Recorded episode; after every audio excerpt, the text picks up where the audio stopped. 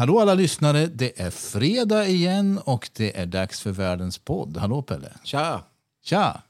Nu sitter vi här igen. Ja, äntligen och härligt. Äntligen och härligt. Du, vi har gäst idag.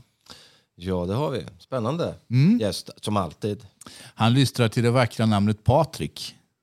Visst är det fint? Visst är det fint? Hej Patrik! Hej Patrik! Välkommen. Och hej Pelle. Tack. Välkommen hit! Tack så mycket. Tack så mycket. Eh, vad har hänt sen senast Pelle? Ja, vad har hänt? Vad kan jag plocka upp? Ehm, Jag var ju på en idrottsgala. Örebro hade ju en idrottsgala för första gången. eh, Ja, det var väl för första gången överhuvudtaget tror jag, i Conventum. I, eh, och eh, det var ju spännande att se alla pristagare och lite musik och sådana grejer. Det, ehm, Var det bra? Ja, jag tycker det. Alltså det är ibland, man ska inte vara alltför elak, men ibland har ju lokala varianter en förmåga att bli lite sådär halvt om halvt. Sådär lite bra ibland och så lite sådana här halvtaskiga grejer. Men det här kändes väldigt professionellt. Och, eh, Jessica Almenäs heter hon, var ju, var ju eller konferencier, programledare eller moderat, eller vad säger man när det handlar om sådana sammanhang. Eh, och hon är ju sjukt proffsig så att, eh, och avslappnad och jätteduktig på att snacka. Så det, hon var ju jättebra och sådär. Och- Men jag tycker överhuvudtaget det kändes väldigt, eh, väldigt eh, snyggt. Det var, det var liksom tv-produktion över det liksom, på, på riktigt. Och någon studioman som sprang omkring där och, som de brukar göra. Med, klappa händerna nu. Och sen så där ska ni gå och där ska ni vara och peka. Nu pekar jag med mina händer fram och tillbaka så ni vet det. Men nej, så jag tycker det var kul och sen så, det är bra. Det var väl en positiv del också att Marcus Eriksson, eh. Indycar var ju, så det var, det var ett bra år att kunna plocka fram en världsstjärna i det här sammanhanget också. För det är också sån där grej, en stad som Örebro har väldigt många duktiga idrottare men inte alla som är på den nivån. Eh, och då kan det ju ibland bli lite mjölk, eh, vad säger man? Ja, det var ju verkligen världsklass. Ja, men, eh, nej, men så det, var, det var kul. Jag, jag är glad att jag blev inbjuden och fick eh, ta del av, av det hela. Så att, eh, det lär bli av nästa år också. Ja, jag har varit i Spanien sen senast. Det är därför vi, vi kör ju faktiskt en vecka senare. Det har gått tre veckor sen senaste podden. Jag var med i Spanien med mamma. Ja. Fint. Alltså snäll mamma som bjöd mig på en resa till Oj. Spanien. Oj. Så Lucky trevligt you. kan man Ja, det var, ja, det var härligt. Din Får hemmabana? Ja, jag var ju på mina gamla hoods på Gran Canaria. Ja. Så det var kul. Jag åkte motorcykel en del bland annat. Det var ju lite häftigt faktiskt. Det har jag aldrig gjort på Gran Canaria. Tufft. Mm, nej, det, är, det är otroligt vackert nu på vintern. Jag har aldrig sett det så grönt som det var.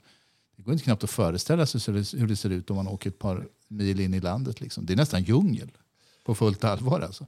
Ja, men det var ju, alltså, vad tänkte jag på? Um, vem, någon av våra gäster har jag haft som eh, tipsade om att Ka- Kanarieöarna är in i la- alltså, byar där. Man, man, Martin Kvarfort tror jag. Ja, men det var, han- ja, men det Ja. var det nog. Ja, Ja. Som eh, pratade just om att man alltid tänker på de här turistbyarna ute vid kusterna. Men Ja. att det faktiskt finns ett annat Gran Canaria också. Det är, Speciellt så här på vintern. så ja, är det ja, sen är det väl utbränt när det liksom är Ja. sensommar. Så är det ju. Men vi har ju som sagt gäst. Patrik Ja. Lundström. ja. Vad kul att du ville komma. Jättekul att vara här. Du är en så upptagen man så vi har ju faktiskt fått bearbeta dig under ganska lång tid. För Jag bara, jag bara låtsas. du bara låtsas. ja, ja. Jo, nej, men det har varit lite så. Mm. Artisten, musikern och showmannen Patrik Ja. Lundström, eller hur? Det var ditt epitet där, men det, det stämmer väl? Jag tycker det stämmer bra. på Ja, det kanske det gör. ja. Du, eh, vem är du? Ja, det har du ju redan sagt. Ja, ja. Nej, men jag, jag är... Då tänkte jag börja med min ålder. Det är så svenskt så att det är löjligt. Man börjar liksom i den ändan. Fjantigt. Men då gör jag väl det bara för att jag sa så. Jag är 52 år eh, numera och har jobbat med musik eh, i... Ja, sen jag var, inte jobbat sen jag var liten, men jag har alltid hållit på med musik. Så, vitt jag kan, så, så länge jag kan minnas. Men jag har jobbat professionellt med musik i 30 år. På heltid vid det här laget. I år faktiskt blir det det. 30 år precis. Ehm, väldigt mycket olika typer av musik. Och gör egentligen det fortfarande. Jag har inte liksom nischat mig egentligen. Utan eh, jag tycker fortfarande att det är kul att säga ja till saker som man inte hade tänkt sig att säga ja till. Men det är klart att det med ålderns rätt så blir det väl kanske så att man, man eh, eh, specialiserar sig på vissa saker. Och, och lite på det man känner att man är bäst på kanske? Ja, det, och- ja det, det, det, det ordnar ju naturen av sig själv på något sätt. faktiskt. Eh, men eh, framför allt kanske också att man inte behöver göra alla hundjobb, utan man det blir roligare. Alltså helt enkelt så här, det blir roligare och roligare för man får göra mer saker som man själv verkligen tycker är kul och som man utvecklas av. Så upplever jag det i alla fall just nu, så det är bra. Ja, Är det svårare karriärmässigt när man liksom pendlar mellan en massa olika genrer och sådär? Liksom? Eller du kanske inte ens tänker så, utan du bara kör på lust möjligtvis?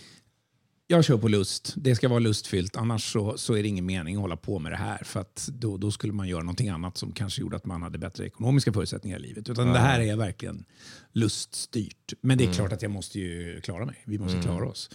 Så att det är ju en balansgång såklart. Sådär. Men jag är väldigt luststyrd och jag tar mycket sådana beslut där jag liksom ja, helt enkelt prioriterar att göra det som känns utvecklande framför det som kanske ger mer pengar på kort sikt och sådär. Så har det alltid varit för mig och det är ju det är både korkat och eh, roligt.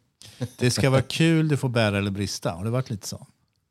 Ja, Ja. det, och det är inget medvetet det bara är så. Ibland Ja. kan man få, just under den här perioden, januari, februari, det, det är ju då man har som minst att göra i regel. Om det inte är någon turné eller något sånt där som man eh, råkar ha just under den, under den perioden. Men generellt sett så är det ju alltid minst jobb då.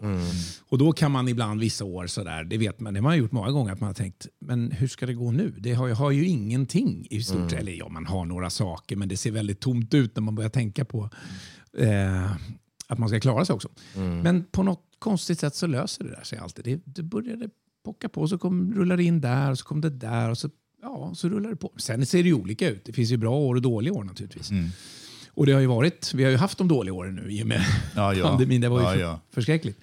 Eh, så det har man ju också fått genomleva och klarade sig på något sätt Har du, en, det. har du en trygghet i det då, nu, numera efter vad sa du, 30 år och hållit på? Känner du liksom, eller kan du känna stress fortfarande ibland? När det liksom, Nej, men eh, inte stress, men det, det är ibland när man, när man, som jag sa, i den här, vid den här tidpunkten på året, när man tittar i almanackan och ser att men det, jag har ju egentligen inga jobb att tala om. Sådär. Och sen så går det några veckor och lite så, och sen så, jo men nu är det ändå okej. Och sen kanske det till och med, men nu är det lite mycket. Och, och sen bara är det sådär. Så det, det blir ju en livsstil, man blir ju van vid det. och Det blir ju en livsstil faktiskt, så är det ju så. Och så är det ju någonting, det är klart det är någonting spännande med det också. Det är det ju faktiskt. Att man vet aldrig riktigt hur det kommer se ut. Men hur mycket är det att du lägger tid på att hitta jobb kontra att utföra jobben? Det måste ju ändå vara så att det väldigt mycket tid går åt att hitta jobb. Eller? Ja, alltså, jag får väl säga, jag har haft tur, jag har varit privilegierad att bli uppringd mycket, om jag säger så, eh, genom åren. Men eh, det blir ju mer så att man också måste börja själv jaga jobb. Alltså, så är det ju. Och det är ju från, alltså, jag bodde ju i Stockholm, flyttade till Örebro eh, 2015 kan man säga. Från och med där så blev jag fast resident. eh, och eh, det är klart att en del Stockholmskontakter blev det ju inte lika kontinuerligt med naturligtvis. Och sådär. Så då fick man ju börja liksom kratta i sin egen manege lite och kolla läget regionalt här i Örebro. Och, Men det har ju slutat med att jag, jag, alltså jag har spelat på fler ställen i Örebro med omnejd än vad jag har spelat på ställen i Stockholm under hela min... Alltså den större delen av min aktiva tid har ju varit i Stockholm. Men, jag, men det finns ännu fler ställen att spela på här. Så att det, är, det är väldigt bra faktiskt. en bra musikstad. Väldigt bra musikstad, måste jag säga. Ehm, sådär. Så att det har blivit lite mer att man får leta själv och dra igång projekt och sådär. Ja. Men du, om vi backar lite. eh, Varför blev det musik från första början? Det är ju inte ett supervanligt eh, yrkesval. Nej, eh, det är det verkligen inte. Eh, jag tror att det handlar om eh, att man måste ha ett tillräckligt stort brinn från början. Att man känner att eh, det här vill jag verkligen hålla på med eller försöka hålla på med. När, när jag var så pass ung, alltså när man fortfarande gick i grundskolan, då kunde man inte ens liksom, då, då kunde man inte se riktigt hur kan man jobba med musik på heltid. Är det, måste man bli världsstjärna för att ens kunna försörja sig på? Alltså man visste inte riktigt formerna för det såklart. Eh, och, och jag var ju, för mig var ju, jag ville ju bli fotbollsproffs. det var, ju, Var det mycket fotboll när du var... det var mycket fotboll. Jag spelade både fotboll och handboll och hockey och, och sådär. Det var, Men fotboll har ju alltid varit nummer ett. Så det var ju det när man var riktigt liten. För att, sen var det också så att för musiken hade man inte så mycket gemensamt med polaren utan det höll jag på med lite mer på kammaren själv. Så där man spelade in låtsasskivor när man sjöng på låtsas engelska och mm. härmade instrument med munnen. Och det var liksom, mm. man skrev, jag gjorde, sådär, gjorde skivor, man spelade in på sina C90-band på en liten bandspelare. Mm. Och så skrev, man upp, skrev jag upp låttitlarna först och längd också på låtarna. och sen började jag improvisera in låtarna. Då. Men eh, så musiken var en, en egen sak. Och vi uppvuxen med jättemycket musik. Vi spelade musik mycket hemma. Pappa spelade gitarr och bas och morfar spelade fiol och piano. Och, mm. och all, alla har liksom det har varit mycket musik i uppväxten, men ingen har ju, det är inte så att någon av de nära har jobbat med musik på heltid. Men det har varit väldigt mycket musikintresse. Och sen tror, du, tror du att det där var avgörande, liksom, att, eh, att det blev musik? Att det var så ja. mycket musik hemma? Ja, det tror jag. Mm. Absolut. Mm. Men sen, sen är det ju så där, alla föds med olika egenheter och jag hade ett, ett, ett brinn redan från början. Jag ville mm. verkligen. Så att jag ansträngde mig mycket för att eh, lära mig spela gitarr tidigt. Och, mm.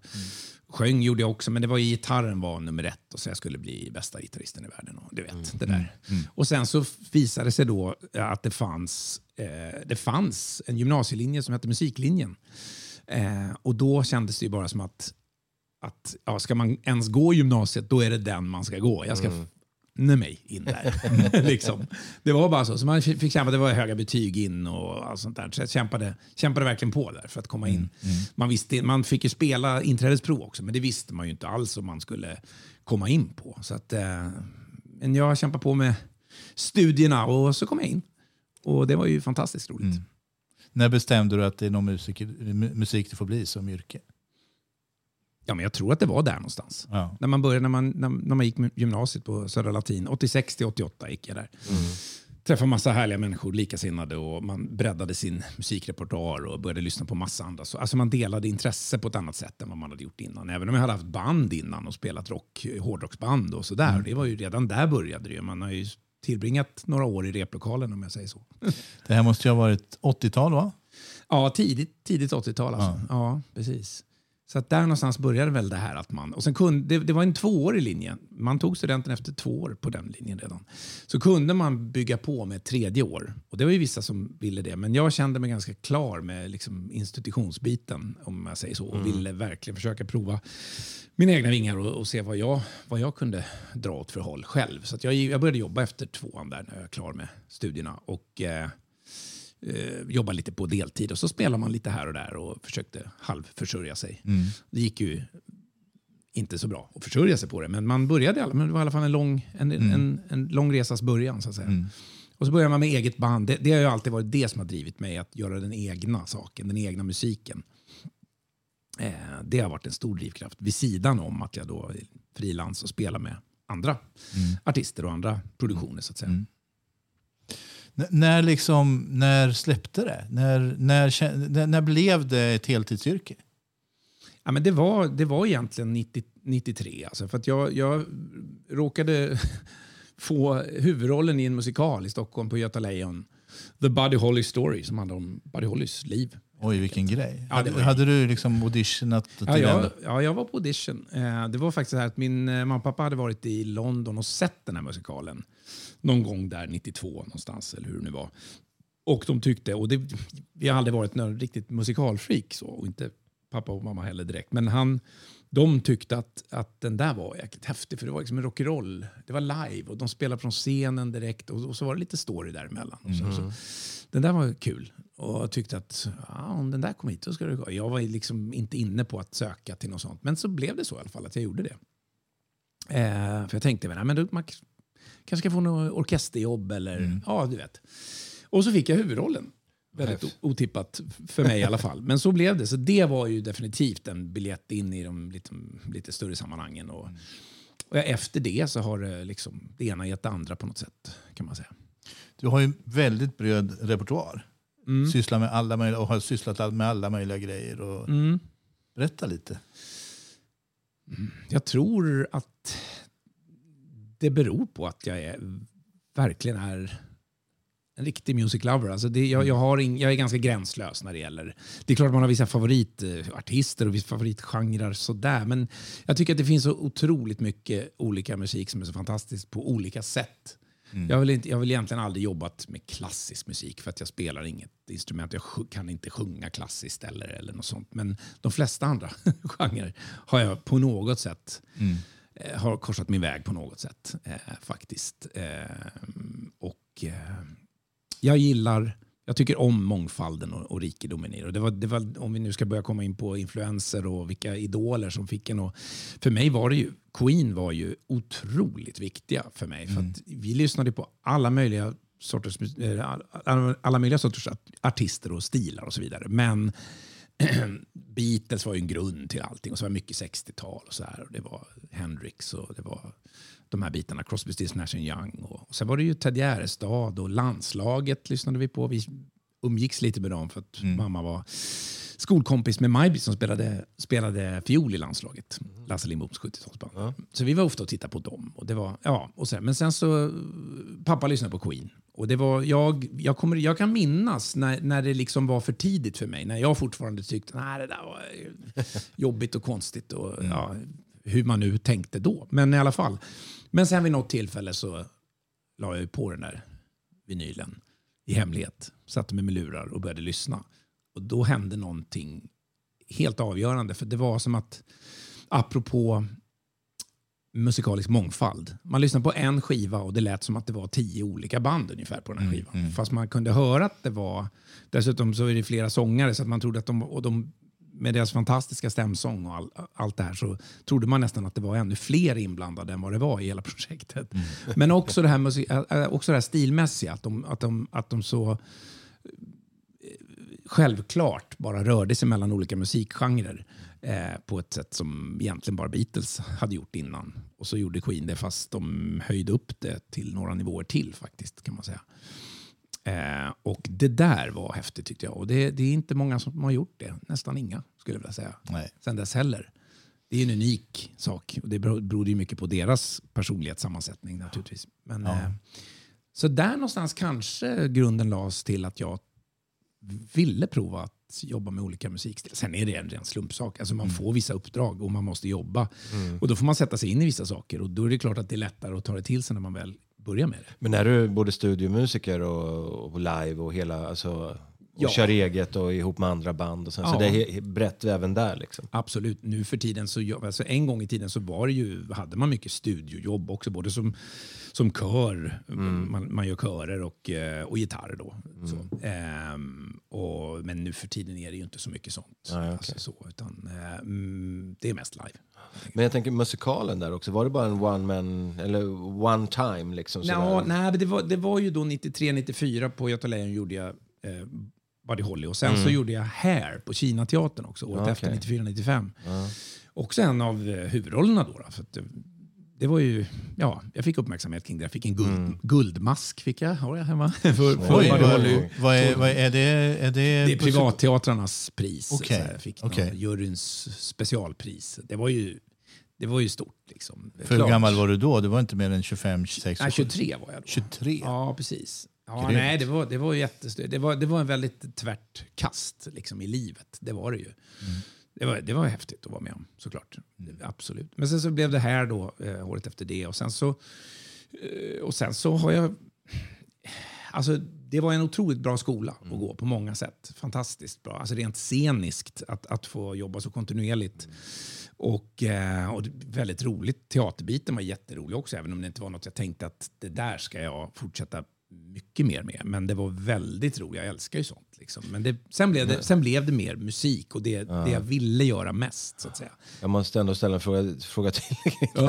alltså, när man sjunger då musikal kontra det du gör, är, det, är du tvungen att anpassa dig på något sätt med din röst? Mm. Eller att du måste sjunga på något annat sätt? Och sådär? Eller, hur, eller är det att du kan vara dig själv 100% på det sättet? Eller? Ja, men alltså så här, det är ju två musikaler jag har gjort. Och det är Buddy Holly Story och det är Hair. Och i Hair så är det ju 70-tals musik på det sättet och det röstläget och den typen av sång som jag, eh, ungefär som när jag sjunger ja rock och pop. Det är inte Jöback-låtar liksom. så. Nej, det är ju inte, det är inte riktigt Nej. det. det den, den, är ju liksom, eller, den är ju skriven 68. Här, Så den är verkligen barn av sin tid vad gäller Ja, musiken. verkligen. Och- Ja, men den är- den är bra. Den är- ja, mycket bra musik. Buddy Holly däremot, det är ju liksom 56, 57, 58. Alltså det är ju... Det är rock'n'roll. Det är tidig rock'n'roll, vit rock'n'roll. Han var ju en lite Elvis. Han kom från countryhållet men ville vara med rhythm and blues och, och Elvis wannabe. Och så blev han liksom den första stora poplåtskrivaren egentligen. Influerat otroligt många. Eh, så, och där fick man ju liksom hitta en, ett speciellt röstläge för att det, det, eftersom man också ska, ska porträttera en verklig person från en viss tid så, så låg det ju i sakens natur att, att försöka vara röstlik. Så där fick jag ju sjunga på ett sätt som jag normalt sett inte brukar göra. Jag kan ju förstå att du, eh, att du funkade bra på teatern. Alltså, för det är, jag har ju sett dig ganska mycket i olika konstellationer. Du har ju spelat en hel del hos oss på Clarion Hotel. Ja, oh ja, det är hemmaplan. ja, det är hemma på. Älskar att spela det. Är, du har ju en speciell eh, förmåga att, underhålla, inte, inte bara genom sång och spel utan även genom prat och eh, en, en, vad- säger man på svenska? En kontakt med publiken på ett väldigt trevligt och roligt sätt. Så jag förstår att du passade på teater. Ja, det var... Tack för det. Eh, nej, men det, det får jag väl underlåta mig till att säga att det tycker det är sant. Ja. nej, men det är, det, så, så är det ju. Man, det, är bara, det är väldigt naturligt för mig faktiskt. Eh, att det känns... Eh, det är bekvämt och spännande, roligt att, att, att ha kontakt med publiken. Alltså det, det är halva grejen. Har, har du lärt dig det där eller är du bara sån där? Jag tror, inte, jag tror att man bara är så. Jag Ja. tror det. För min egen del så... Jag, jag, jag har faktiskt ett konkret minne ifrån en av de första spelningarna jag, jag gjorde i mitt liv med mitt eget band på den tiden. Då var vi alltså... Jag var väl 12, nej 13 kanske jag var. Sådär. För före dess hade man inte framträtt så mycket, förutom att man kanske sjöng lite låtar hemma med familjen och släkt. Alltså, så- sådär. Man, det gjorde jag väl, men inte för folk i allmänhet. Och det här var på en stor skol, det var på påsk... Eh, äggrocken kallades för. Vi har påsk- påskrock Ja, jag här. vet. Jag tänkte på det just. Äggrocken. Och då spelade vi där, eller det kanske, jo men jag tror att det var den Och då var det ju, det var ju liksom hela skolan. Det var ju säkert tusen pers eller något sånt i den här, Mm. äh, kanske inte riktigt, men någonstans. I den här lilla gympasalen då där på, i Bag, Bagarmossens skola som jag är uppvuxen. Och då spelade vi med mitt band. Vi spelade tre låtar. Och det var ju så stort. Alltså. Vi var så nervösa. Och det var... Fast jag, jag kommer ihåg en känsla som, som jag fick. Som, som jag märkte på de andra att de var mer nervösa. om jag säger så. Och det är klart att jag också var det givetvis. Men det hände någonting när vi klev på. Som var... eh, Det var en otrolig kick. Som inte, som, det hände där. Där kände jag, vänta, det här är någonting. Det här måste jag få uppleva igen. Och det går, inte, det går verkligen inte att beskriva med ord. Utan det var en fantastisk känsla av närvaro och att det hände någonting magiskt. Just då i stunden. En kick. Ja, det var en riktig kick alltså. Och jag var väl 12-13 år. 13 var jag väl. Men, och, och det där är liksom, den känslan är den som har följt med en. Det är, inte klart, det är klart att man inte alltid får en kick när man är på scen. Men eh, oftast får jag faktiskt det. Ja, ja, du, nu svarar du egentligen på min nästa fråga som var att jag tänkte just fråga om du är, känner dig som en orädd person. Eh, jag Ja, tänkte, det beror på vad det gäller. Ja, nej, det förstår jag. Men när det gäller, liksom, det, jag tänkte just på det när vi, inför att vi skulle spela in det här poddavsnittet så hörde jag ju av mig till dig och, och ville göra en liten intervju inför och berättade att jag tänkte sätta ihop ett körschema för podden och sådär. Och då sa du, ja fast annars så tar jag det på volley. Det är lite sån du är eller? Ja, men ja, alltså det, det är väl också någonting man lär sig i det här jobbet. Att det är väldigt svårt att förbereda vissa saker. Man, man lär sig att, att man, man får ta det som det kommer och så får man göra det bästa av situationen. Och Det finns något kreativt och roligt i det också. Det gör det ju. Sen finns det ju vissa saker där man är väl, måste vara väldigt uppstyrd. Och inte, alltså när det gäller mitt eget band och våra produktioner vi gör och sånt, där är jag ju minutiöst noggrann och försöker planera och styra upp allting så mycket jag kan. Och Där är det, ja, alltså, nej men där, där är det liksom mindre på volley, om jag säger så. Ja. Vi kanske ska fråga dina bandmedlemmar hur du är. Ja, det, det kan det göra. Gör det. Nej, men det, är, det är väl också så att så länge man, man har, eh, som i ett sånt här sammanhang, du ska prata om din musik och hela den grejen. Det har ju, den storyn har du ju i Ja, dig. den finns ju där. Ja, så någonstans. den är, nat- den är naturlig liksom att bara plocka fram. Så det är klart att om du skulle ha haft ett, eh, börja prata om kvantfysik här, Mm. kanske skulle vara Nej, då skulle det, det skulle vara bra med lite mer förberedelse, känslan, faktiskt. Men, eh, men annars är det skönt. Det är skönt med volley. Vi pratade lite innan vi drog igång här med just med det. Eh, en annan som har jobbat liksom en del i radio och tv och sånt där. Det, det är skönt att ha en typ av manus i botten men sen så vill man gärna att det ska vara live och det får dra iväg lite grann. Ja. Och, och den osäkerheten eller den känslan av att kunna göra det, den är jäkligt skön. Liksom. Ja. Bara man har det att man vet vart man ska ta, ta, ta sig tillbaka igen. Ja. För, och, ja, så att man håller, håller den röda tråden i det långa loppet. Som du Putte, Precis. programledare. Ja. Nej men alltså det är väl så att ofta blir det säkert bättre om man låter det dra iväg. Oftast i alla fall. Och det gäller bara att våga komma så långt och bli så trygg i det man gör så att man vågar göra det. Ja, men du Så det tänker dig stå upp komiker liksom sådär, när, när de, har, de här riktigt proffsiga som har, har en jättestor scen Mm. och går omkring och, och, och kör i en, en och en halv timme eller en timme. Ja. eller Man kan köra. Det ibland låter så förvirrat att man tänker de har ingen aning om vad det är. Men det är så inrepeterat så varenda liten grej är ju helt solklar. Men det låter som att de inte har en jävla aning vart de är på väg någonstans. Nej, det är ju en konstig säg att få Ja. det, det låta spontant när det inte är Ja. det såklart. Ja, det, är verk, det är verkligen mod, måste Ja, jag säga. det säger jag med. Full av beundran för alla som ger sig på den saken. För det, är, det är bland det mest beskäftiga man kan göra. Hej, jag är helt ny, ni har aldrig sett mig, men vet ni vad? Jag är jätterolig. Ja, precis. Det här har man, där har man en uppförsbacke. Liksom. Ja. Så det, det beundrar jag faktiskt. Det gör. Du var inne på det lite grann, ditt eget band Patrik. Ja. Ritual. ritual. Eller ritual, förlåt. Ja, jag ritual det på... går ju precis lika bra. Som tur är. Nej, men det, vi, vi har ju hållit på. Det, alltså jag har ju spelat runt i så många sammanhang och, och synts i olika sammanhang. Eh, och så, men folk känner ju inte till att jag har mitt eget band. För vi verkar ju i en genre som är lite mera underground, om man säger så. Obskyr. Obskyr är också ett ord för det. Det är en Eh, genre som jag älskar. Eh, Ja, roligt. roligt. Mm, mm. Ja, nej, men det, det är det som man brukar kalla för progressive rock. Vissa kallar det för symfonirock. Märkligt ord. Men, eh, och experimentell rock som har rötter i brittiskt tidigt 70-tal. kan man säga. Och vi håller just nu på med, ja vi har funnits sedan vår, 93 bildades vi och sen var det ett band innan det också som egentligen var själva grunden till Ritual. Eh, samma trummis, samma basist, Fredrik och Johan. Eh, eller Johan och Fredrik i rätt ordning. Och jag som bildade det första bandet, vi bildade det 88 redan. Och, och vi kallade oss för Bröd. Oj, ja, det var inte så kommersiellt. Nej, vi, vi, vi, jag, tror, jag tror att vi har liksom alltid, både omedvetet och medvetet, gjort de mest okommersiella valen med flit, jämt. Nej, det var, då, då var det lite andra människor inblandade också i det bandet. Men sen så, så 90, 1993 så eh, upplöstes det bandet och sen så ville jag och Johan och Fredrik fortsätta. Och då gjorde vi det och så tog vi in en annan keyboardist, Jon Gamble, på keyboards. Och sen dess har det varit samma lineup, sen 93. Så, och det, vi håller på nu med vår femte studio, studioproduktion, studioalbum.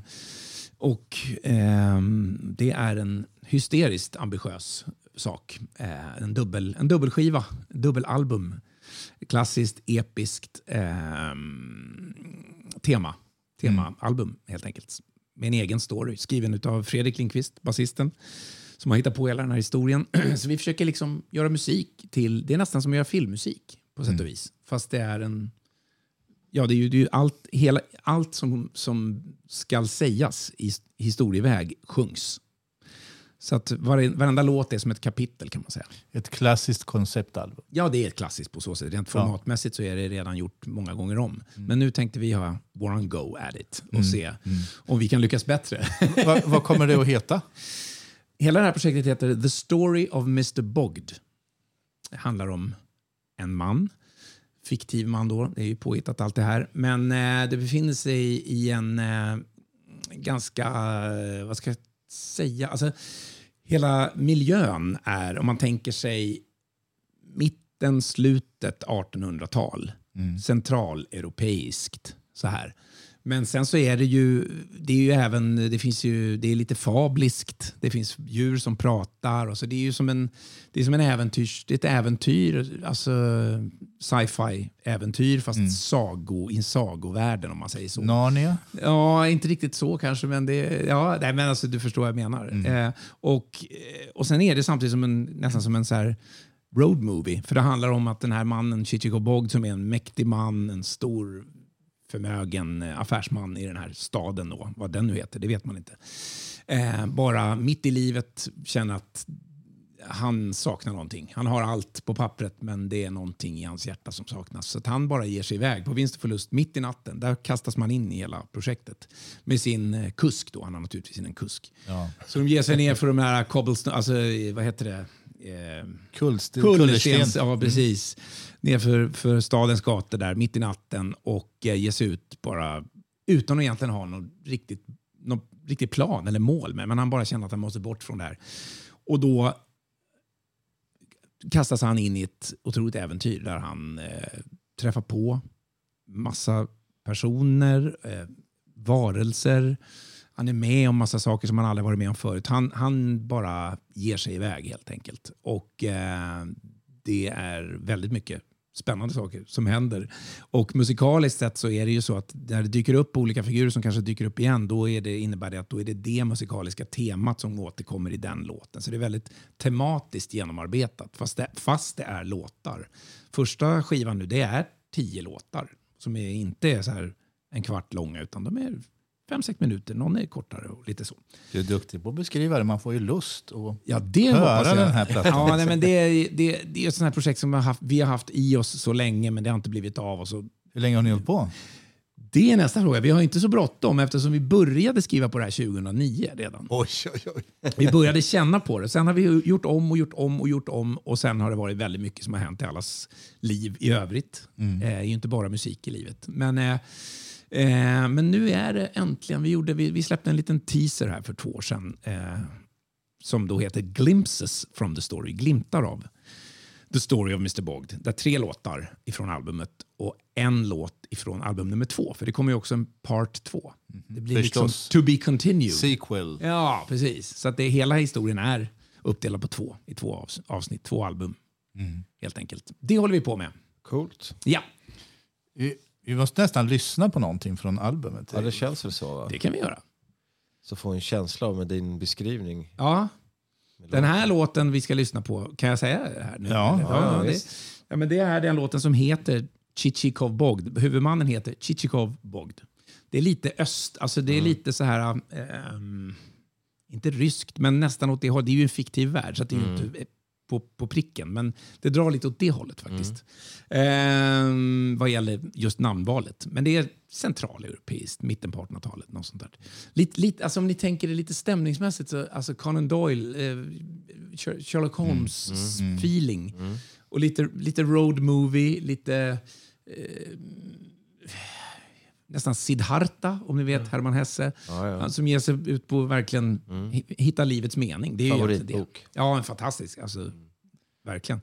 Men eh, så det är lite de där sakerna man kan ha, Jag ha sitter med och tittar sig. på en bild här och det ju, stämmer ju precis med den känslan. Som Det du tycker jag. Ja, ja, roligt. Ja, Ja, men men det- det, Vi, ska väl, vi ska väl lyssna lite? ja. After parting ways with the owl, man Bod felt strangely satisfied. Surprisingly revived in the rosy morn. And we leave him there for a while to take a trip into the past. To when the dice were cast and a child was born.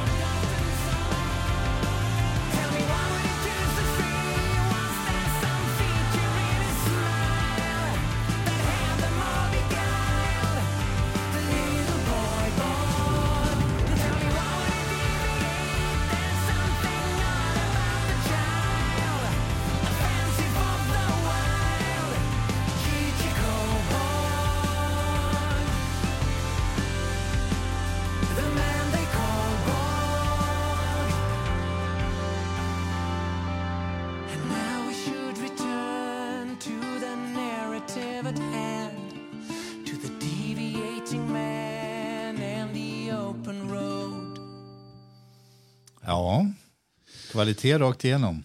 Alltså, Ja, ja. vad roligt. Jag är imponerad. Kul. Mm, nej, men det är riktigt proffsigt. Låter Mm. det som. Det, det är inte en genre som jag normalt sett lyssnar på. Så att, men uh, utifrån vad jag hör så låter det riktigt...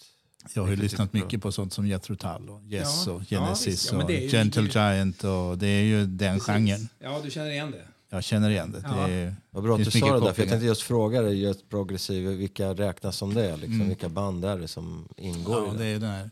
Marillion är inte inblandade Jo i det? då. eller? Är de också Fast de är väl av new, vad ska man säga, new, eh, new wave of, eh, Ja, lite det är ju så va? 80-talsvarianten eller vad man ska Ja. kalla Ja. det för. Kan man säga. Men de är- räknas ju dit definitivt. Ja, det. För det, det, är väl, det har jag ju lyssnat på alltså, Ja. när, jag, när jag var yngre. Sådär. Men, Precis.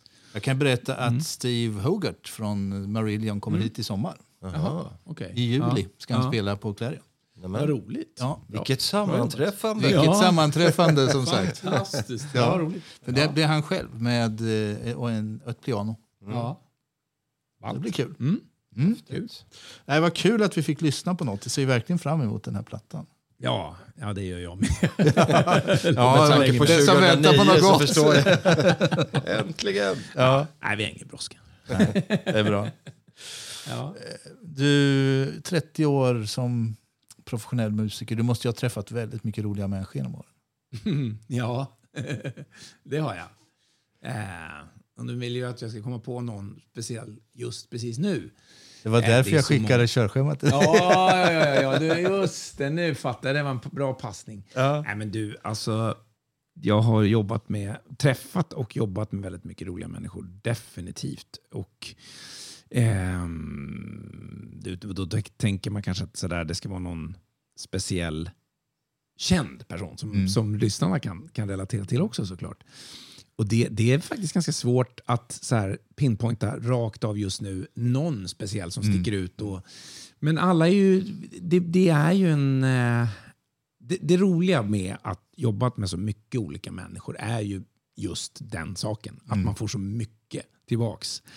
Eh, och, och man, jag, tror att, jag tror att man kanske, eh, kanske eventuellt, det lär en lite grann om den sociala mångfalden som finns här i det här som vi kallar för livet. Och man kanske blir lite mer tolerant och förstående gentemot hur olika människor kan vara och vilka olika kravbilder vi har på varandra och vad vi förväntar oss av varandra. skulle jag vilja säga. Det tycker jag är en stor rikedom man får med sig. Eller det inbillar jag mig i alla fall med, med det här jobbet. Eh, Om jag blir lite mer filosofisk och svävande. Och inte, det blev ingen galen anekdot. Men det finns, det finns säkert, om jag ska grö, gräva i gömmorna, eh, mycket konstiga saker som har hänt naturligtvis. Du kan, det kan ju vara något kul ställe att spela på också. Ja, men det har jag ju också gjort. Det är så många så att... Nej, men jag, bland, alltså, jag har spelat... Jag har ju spelat på Hollywood Bowl och det är ju ganska speciellt. Det är ju inte så många som har, har gjort det faktiskt. Eh, Berätta. Nej, det förstår jag. Det är Ja. coolt. Eh, det, det måste man ju ändå se som något av de mest speciella, eh, definitivt, ställena jag har varit på. Eh, det är ett klassiskt ställe. Så att, vi har faktiskt spelat det tre gånger till och med. Men berätta om det, för Ja. det, är, det är säkert många som inte vet vad det är. Nej, exakt. Nej, men det är en klass, jag vet, den är ju gammal den arenan. Alltså. Den, ligger ju, den ligger ju där uppe vid Hollywood Hills. Liksom. Och den är eh, i Los Angeles. Alltså. Mm. Och eh, alltså allt ifrån stora klassiska konserter till de stora jazzartisterna. Alla har liksom varit där. Men Monty eller- Python. Ja, Monty Python inte minst. Det är ju verkligen favorit, favorit. Alltså. De har varit där och eh, många av de stora rock och popartisterna också. Sådär. Eh, I vilket jag, sammanhang var det? jag var där, eh, jag turnerade ganska många år, ungefär tiotal år blev det väl sammanlagt, i USA, runt om i USA med en ABBA-tribute. Så ABBA har jag gjort ganska mycket också. Ja, just det. Mm. Det har varit Queen och ABBA Ja, och Eagles. och Mycket. Eagles gör jag också, precis. Men det var med ett ABBA-tribute som kallas för The Visitors. Det, det. finns flera olika ABBA-tributes. Men vi åkte helt enkelt runt i USA och lekte ABBA. Med eh, peruker, kläderna, eh, platåskor och allting. Men framförallt så var det ett väldigt, väldigt, väldigt bra gäng, alltså musikaliskt sett. Vi spelade live helt och hållet allting. Eh, och ehm, så jag var, skulle så att säga porträttera Björn Ulvaeus. eh, jag vet inte, jag, jag tror inte jag höll mig riktigt innanför ramarna. Sådär, det är också en sak med mig, att det, det lite, när jag väl kommer igång så är det lite svårt att Och styra där. Ja. Ja, men jag fick vara med ändå. Jag är glad för det. Det var, ro, det var många roliga år och framförallt de där upplevelserna på Hollywood Bowl var fantastiska. Den första Mm. gången, det är ju, det är ju vad, vad, vad är det, 17 18 000 och sånt där Mm. utomhusarena då, som är som en amfi. Jag tänkte säga det, det är Ja, liksom som ganska lång, eh, Ja. lätt långt utgå. Liksom. Precis, och så är det bara så ser man siluetten av liksom vajande palmer och stjärnklart och så är det 17 18 000 som är galna i ABBA och så får man göra det jobbet, en konsert. Eh, fantastiskt roligt var det. Var det amerikaner eller var det svenskar eller var det blandat? Eller vad? Alltså publiken var ju de som... ja, men jag tänker ni som lirar. Nej, nej, det, var, det, var, det är en helt svensk produktion, bara svenskar. Ja. Och så har vi, ha- har vi haft med oss gäster då och då, olika kända musiker som har spelat med ABBA, Mike Watson och, och så vidare. De, de som har spelat med ABBA, både inspelningar och, och live också. Så, eh, Alltså det, här som med, gäster. ja, det här med ABBA, alltså det är nog Ja. magiskt. Alltså det går hem överallt. På något Ja, sätt. visst. Jag- Absolut. Absolut. Vad, vad, vad, vad, säger, vad, vad, är, vad är det? Kan du säga det? Vad är det som är med ABBA? Jag, jag har ju förstått att det är skickliga musiker, det är Ja. många olika harmonier, det är liksom rösterna ihop. Men vad, finns det något annat som du, liksom, som du kan liksom, någonstans utifrån dina eh, perspektiv? Liksom?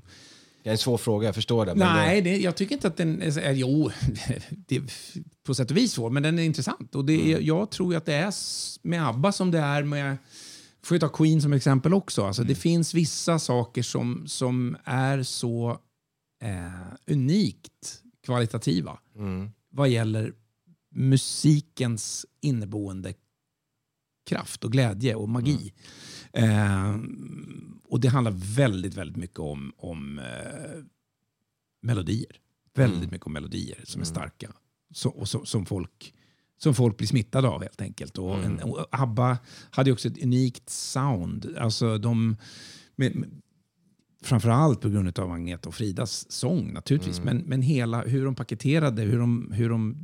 Ibland blir det sådär. Ibland blir det, blir det liksom alla rätt i, Mm. en, i ett paket på något sätt. Och de lyckades med det. Och det är ju... Och Det var rätt timing förstås, Det, tidsmässigt. det och är många saker som ska stämma. Det är tur, talang och timing och allt vad man brukar kalla dem. Och det är, ja, fast det Definitivt. håller ju med nya generationer och nya generationer. Ja. Och man gör musikaler och det är filmer och det är allt möjligt. Och det, bara, det tar liksom aldrig slut. Nej, men- Vi- Förvisso är det ju anglosaxiska, det är, liksom, kan- det är Visst är det det. Storbritannien, det är Australien Absolut, och, absolut. Och, och USA då i det här det är fallet. väldigt, Och sen att- väldigt liksom anglosaxisk vit musik på Ja, det sättet. ja. Och så finns det lite disco i det och lite ja, sådär. men, dessutom, ja. Men eh, eh, jag, jag, jag tror att det finns någonting i... i ibland händer det. Och, och i, I Bennys fall, så, i Bennys fall, i Abbas fall så handlar det otroligt mycket om Bennys smarta kompositioner. Som är som, smarta låter så, så liksom tråkigt. Eller Snarare så geniala kompositioner, låtar. Han är ju ett geni helt enkelt. Så är det bara. Eh, och vissa saker, vissa saker har så hög kvalitet så att det, det går inte att motstå dem. Det bara, det bara är så. Och sen handlar det ju naturligtvis om att förvalta pundet. Från början så visste ju Stickan precis hur, hur de skulle lägga upp det för att marknadsföra dem rätt. Och sen på senare tid, varför det har levt vidare så mycket också såklart på grund av musikaler och filmer och allt sånt där. Samma sak i Queens fall också för den delen. Hur, hur man om man inte ger det en chans att leva vidare, då, då, då dör det, eh, hur bra det än är. Men gör man det, då, då kan kvalitativa saker leva väldigt länge tror jag. Ja, jag tror men, det. men det kanske är gjort för, alltså vissa som du säger, Queen är väldigt speciellt, Mm, ABBA ja. då är väldigt speciellt. Ja. Det behövs väl antagligen någonting som är lite extra utöver det vanliga för att det ska kunna leva vidare med nya som Mm. sagt, generationer hela tiden. Och de, blir, alla blir lika glada varje gång. Liksom. Så att Ja, jag, precis. så att, eh, Ja, men det man fascineras av det och just att...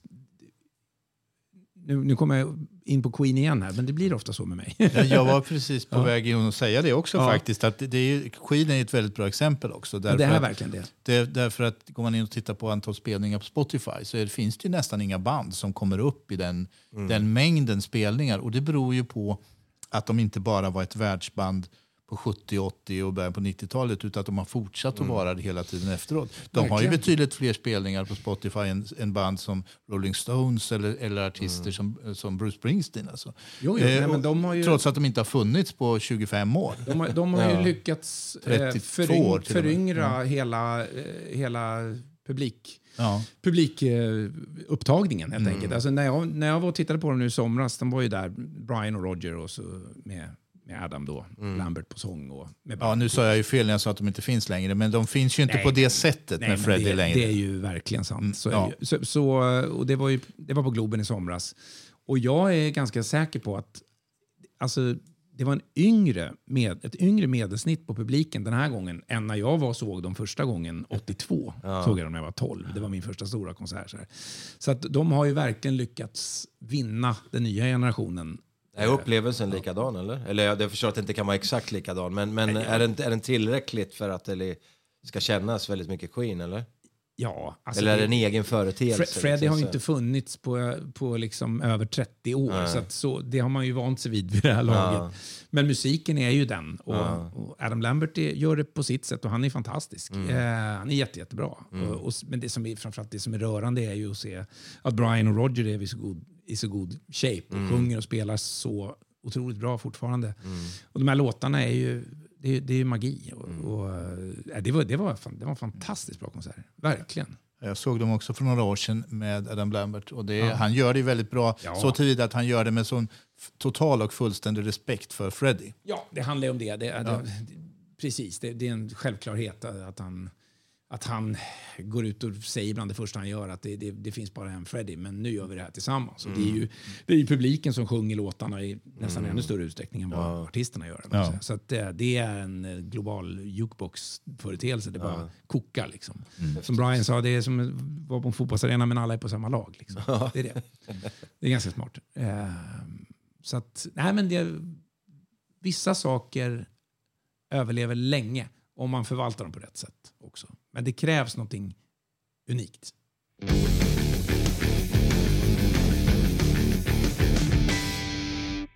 Eh, nu har vi bara pratat musik och om ditt liv som musiker, Patrik. Du har ju lite andra intressen också faktiskt som jag tycker var lite kul. Ja. Ni experimenterar med mat och dryck hemma, berättade du för mig. Ja, Vad betyder det? ja, experimentera kanske jag tar i, men vi lagar mycket mat. Eh, verkligen. Och jag älskar att laga mat och äta mat. Prova nya saker och gamla saker för den delen också. Jag är ganska traditionalistisk. Jag är ju väldigt mycket på det franska köket. Det, ju, det finns ju någonting där som är... Det låter som man ska bli hembjuden på middag. Ja, det kan det beror bli. på vilken del av franska, för det är mycket in, inälvor och såna här eh, grejer också. Men det är det som är roligt. Man, man tror liksom att det är det där, det är grodorna och det är inälvorna och där. Men det franska köket är ju allomtäckande. Det är Mm. ju, det, det, det är ju allt, det är ju grunden till vårt västerländska kök. Jag tänkte säga det, det är ju där så. det är liksom. Man tänk, man, det är ju, Ja, jag har varit i Frankrike några gånger och ätit helt magiskt verkligen. När, Mm. det, när, det, är, när det är någonting speciellt sådär, så att man gråter när man äter. Så gott. Mm. Fantastiskt. Och sen älskar jag också den franska miljön. Vi, vi har ju, hemma har vi ju gjort, försökt få till det så mycket vi kan med de medel vi har.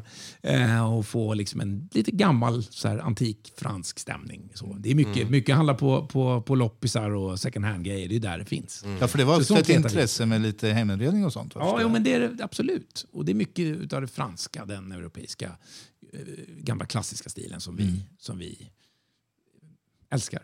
Det är mysigt. Ehm, men matmässigt då så, så jag har alltid varit matintresserad. Det är, det är ju en sån här... eh, Jag menar, man har, de där, man har de där sakerna som aldrig blev av naturliga skäl. Man blev inte pro- fotbollsproffs. Där, det, det, naturen ordnar det där själv. Liksom. De, de saker man är inte tillräckligt bra på, det blir det inte. De saker man är bra på, de ser man till att bli bättre på. I bästa fall kanske man kan hålla på med det. Såklart. Eh, men och, och på senare dagar, eller senare, men sen jag blev vuxen ungefär, så tror jag också att matintresset har funnits där hela tiden. Att någonting man blir, något man blir starstruck och impad av, det är, det är idrottsstjärnor och kockar. ja, men det är verkligen så. Jag, vill gå, jag vill, brukar vilja gå in i, i köket. När man, om det var en tillräckligt bra matupplevelse, då vill jag se köket. Det är inte alltid man får, men ofta Men du brukar fråga. Ja, jag brukar fråga. Du är ju orädd som sagt. Ja, men det man, ja, när vi var i Frankrike senast, då slutade med att vi hamnade, på fest, jag och Jessica. Med bara massa kockar. Och, ja. De tyckte det var skitkul att man kom in där. Man tror ju att det ska vara så här rom- romantiskt som i Ratatouille-filmen. Man kommer in där och bara hänger kopparkittlar överallt. Och det. Men det är, det är ganska kliniskt och tråkigt i, mo- i moderna kök. Så där. Men De lagar fantastisk mat. Jag har förstått att fotbollsintresset det har ni gemensamt också. Patrik och Pelle här. Ja, oh ja, för sjutton. Det, jag är väl nästan född på Söderstadion. det, jag var där med pappa eh, när jag var väldigt liten första gångerna och sen har det, sen har det varit Bayern. Men jag är otroligt fotbollsintresserad överhuvudtaget. Fotbolls-VM är heligt för mig. Det, det, spelar, det, det, kan nästan vara skönare när Sverige inte är med ibland, för då slipper man den, den ångesten. Liksom. nej, men det, nej, det är inte sant. Jag, jag älskar när Sverige är med såklart. Men jag, alltså jag är lika intresserad av fotbolls-VM när Sverige inte är med. Och så jag tycker det är jävligt kul med de här udda matcherna och eh, de stora matcherna också. För att, Jag menar, den VM-finalen vi fick uppleva senast, det var ju, den var ju helt sanslös. Ur spänningssynpunkt i alla fall och ur drama. Och det var ju som att det var regisserat att kung Messi skulle krönas och så vidare på något sätt. Och det, var, det, var en, ja, det var en fantastisk upplevelse tyckte jag. Ja. Och många bra matcher. Eh, Nej, men det är som du säger, när Sverige inte är med så blir, blir det avslappnat på ett annat sätt. Ja, det blir det är faktiskt. ju- och det är klart att det är Ja. bättre att de är med, men, Ja. det, men det blir ändå avslappnat. Man kan, man kan, och sen blir det väldigt mycket, när Sverige är med så är det självklart då väldigt mycket fokus på Sverige hela tiden. Då, ja. och då tappar man lite av de andra matcherna. Jag, blir så, jag går upp i det här så mycket så jag, jag blir liksom... Jag känner själv att jag, jag har inte en chans. Att, alltså jag älskar ju fotbollen som sport. Jag kan Mm. ju verkligen se matcher bara oavsett vilka som spelar om det är bra fotboll. Ja, det, det, Det är som att se en bra konsert för dig. Ja, men det är, fan, Oavsett, det, liksom. det, är, det är fantastiskt alltså. när, när det stämmer, när de får till... När det, när det är riktigt bra spel. Det finns ju tråkiga moment i fotboll definitivt också, men det är väl det som gör det stort också. Att När det ibland blixtrar till och det verkligen... Det behöver inte bli en massa mål, utan 0-0-matcher kan vara de bästa matcherna. Men det är ju så att man, glöm, man, man och det är väl vi människor som, eh, det är ju positivt för människan på det sättet att man kommer ihåg de bra sakerna. För ja. det, det är ju som du säger, att det räcker med att det är en bra match av tio så kommer man ihåg den. Liksom. Ja. Och jag vet när jag jobbade under de här 14-15 åren som jag jobbade, jag insåg att det är väldigt många dåliga matcher som Ja. faktiskt är helt Oh ja. ointressanta. Eller de är inte helt ointressanta för att det går att analysera dem. Om jag jobbar som jag jobbade med att analysera så finns det alltid intressanta moment i en match som man kan analysera. Just Men det. ur ren underhållningssynpunkt Ja, eh, så är det rätt många dåliga matcher, eller tråkiga matcher. Men när man får de här som du pratar Mm. om, nu var det en VM-final då, men det kan vara en vanlig seriematch men som blir väldigt dramatiskt och det händer en massa grejer. Ja. Det kan man ju ta med sig in i två, de två nästa matcherna Ja. och ha den känslan med sig. Så att det är ju, och det är, det är jäkla positivt att, att vi fungerar så. Ja, det, det, är, det är bra. Det är en bra funktion. Nej, men jag, jag tycker det, är- fotboll är vackert. Alltså, det, det kan verkligen vara otroligt vackert med den här crossbollen över perfekt och så möter han.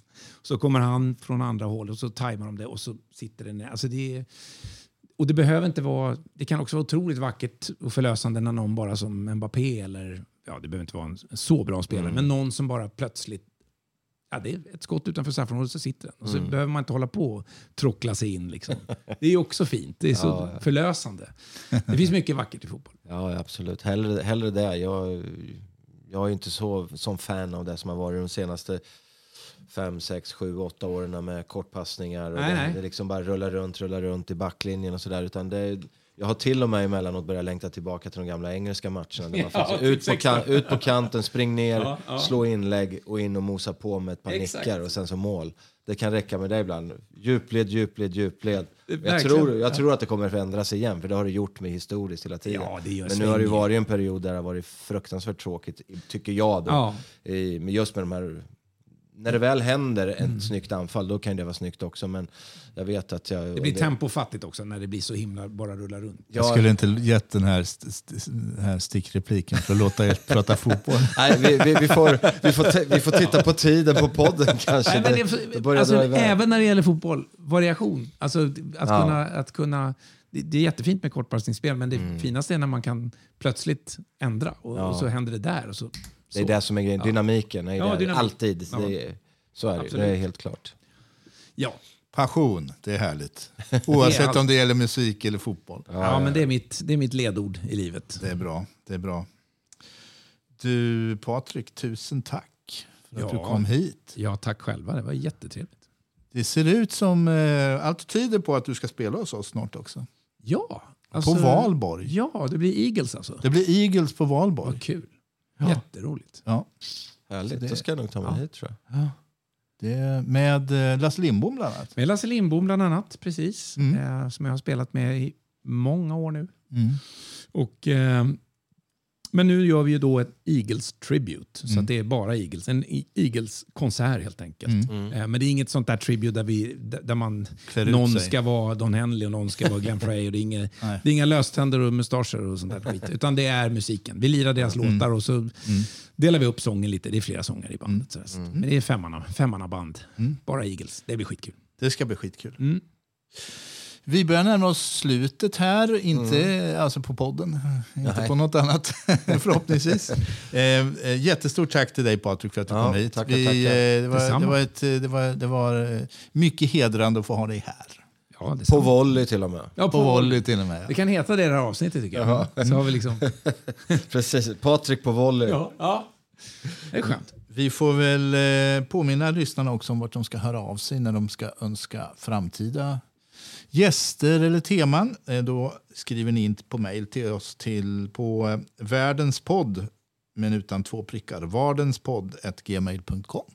Och med det tackar vi väl för idag. Tack till alla lyssnare. Tackar. Ja, Tackar. Jag tackar så mycket för mig och tack, Ja. tackar lyssnarna för att de vill lyssna om de gör det. Det är jättekul. Klart de gör. Ja, det är klart de gör. Ha det så bra allihopa. Ha det bra. Hej hej. Hej. Hej.